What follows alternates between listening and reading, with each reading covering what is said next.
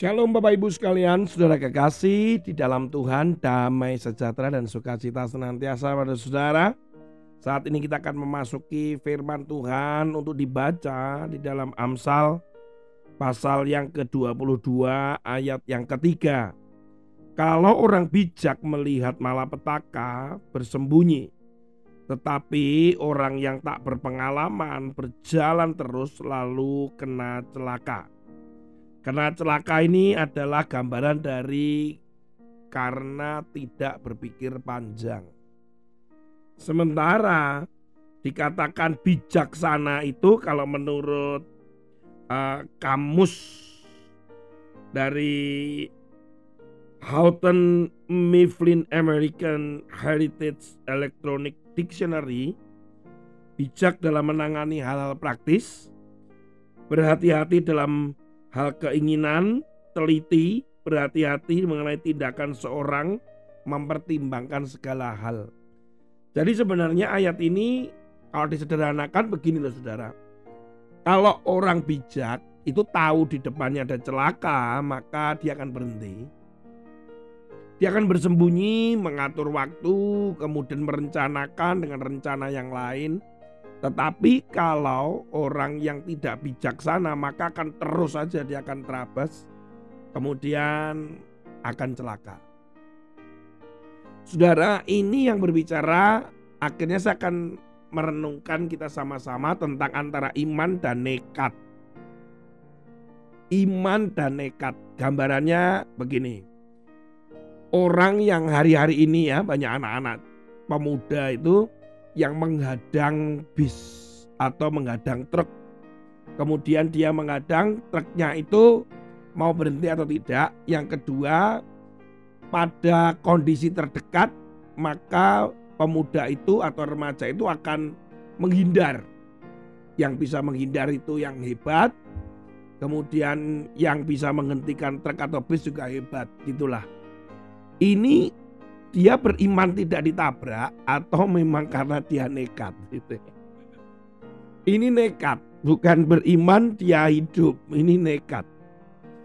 Artinya bahwa itu untuk kebanggaan dirinya dan tidak ada tujuan yang jelas, yang membangun, yang berguna nggak ada.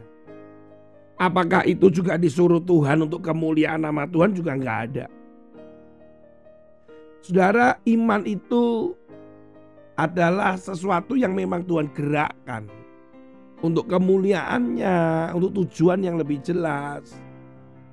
Jadi ketika kita lihat di perjanjian lama maupun di perjanjian baru, segala sesuatu yang dilakukan oleh para uh, rasul, para nabi, ketika dia melakukan uh, engkau disuruh berperang seperti Gideon misalkan dengan 300 orang aja bisa mengalahkan dengan iman itu.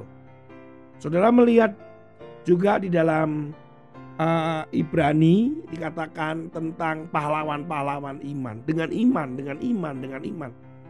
Kalau ditarik garis merah maka semua itu atas kehendak penyertaan perintah daripada Allah. Saudara kekasih di dalam Tuhan, hidup ini bukan nekat tetapi iman. Beda-beda tipis sih. Karena sama-sama tidak bisa dibuktikan. Iman adalah segala sesuatu atau bukti dari segala sesuatu yang tidak bisa dilihat. Orang nekat juga begitu. Saya nekat pak saya akan investasi sekian. Saya nekat pak saya beli itu. Saya nekat pak saya akan ambil itu. Pertanyaannya apakah ada iman nggak di situ? Beda-beda tipis saudara. Iman juga akan diikuti dengan ucapan syukur pasti.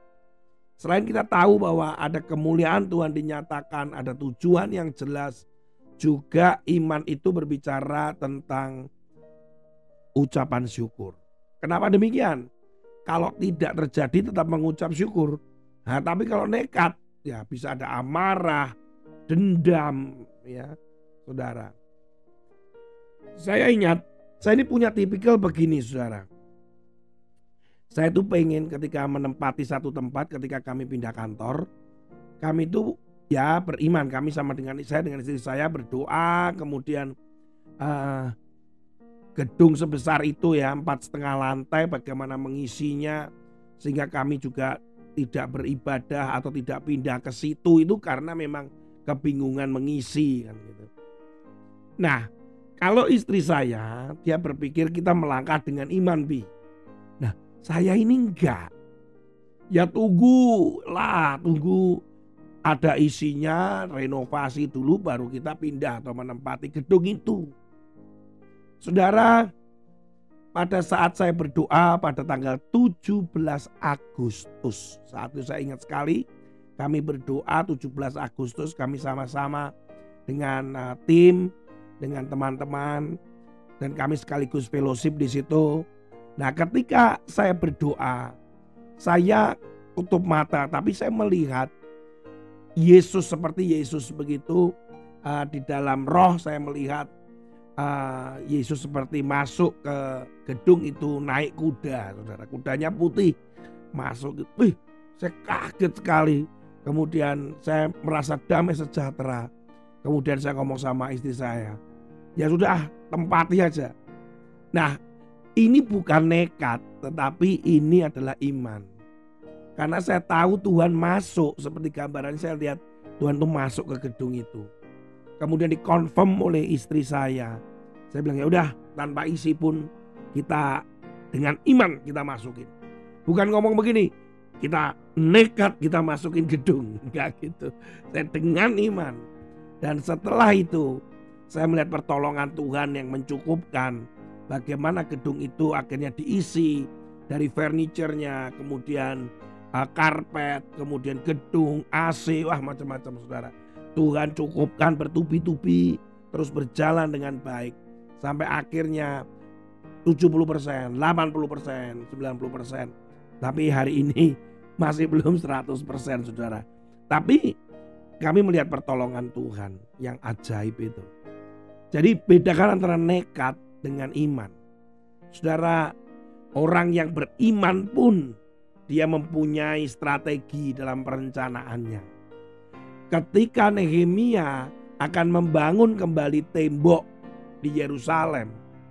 Saat itu dia juga punya iman sehingga imannya itu terbukti dengan 52 hari tembok itu sudah bisa selesai. Tetapi ingat bahwa Nehemia juga melakukan rapat mencari orang-orang yang expert. Dia memplanning segala sesuatunya, bahannya, dia berkeliling, dia mengukur itu berbicara tentang perencanaan, saudara. Nah, di sinilah, saudara, ketika engkau dan saya melangkah dengan iman, bukan nekat tadi. Nekat itu uh, ngawur, gitu ya. Kalau iman itu resiko pun ada, semua ada resiko, tapi ada pak ucapan syukur. Dengan iman itu ada penyertaan Tuhan dan atas iman itulah kita melakukan bukan untuk kepentingan kita tapi untuk kemuliaan nama Tuhan. Demi tujuan kerajaan Allah, demi kemuliaan nama Allah. Tuhan Yesus memberkati saudara, hati-hati itu imanmu atau kenekatanmu. Haleluya. Amin.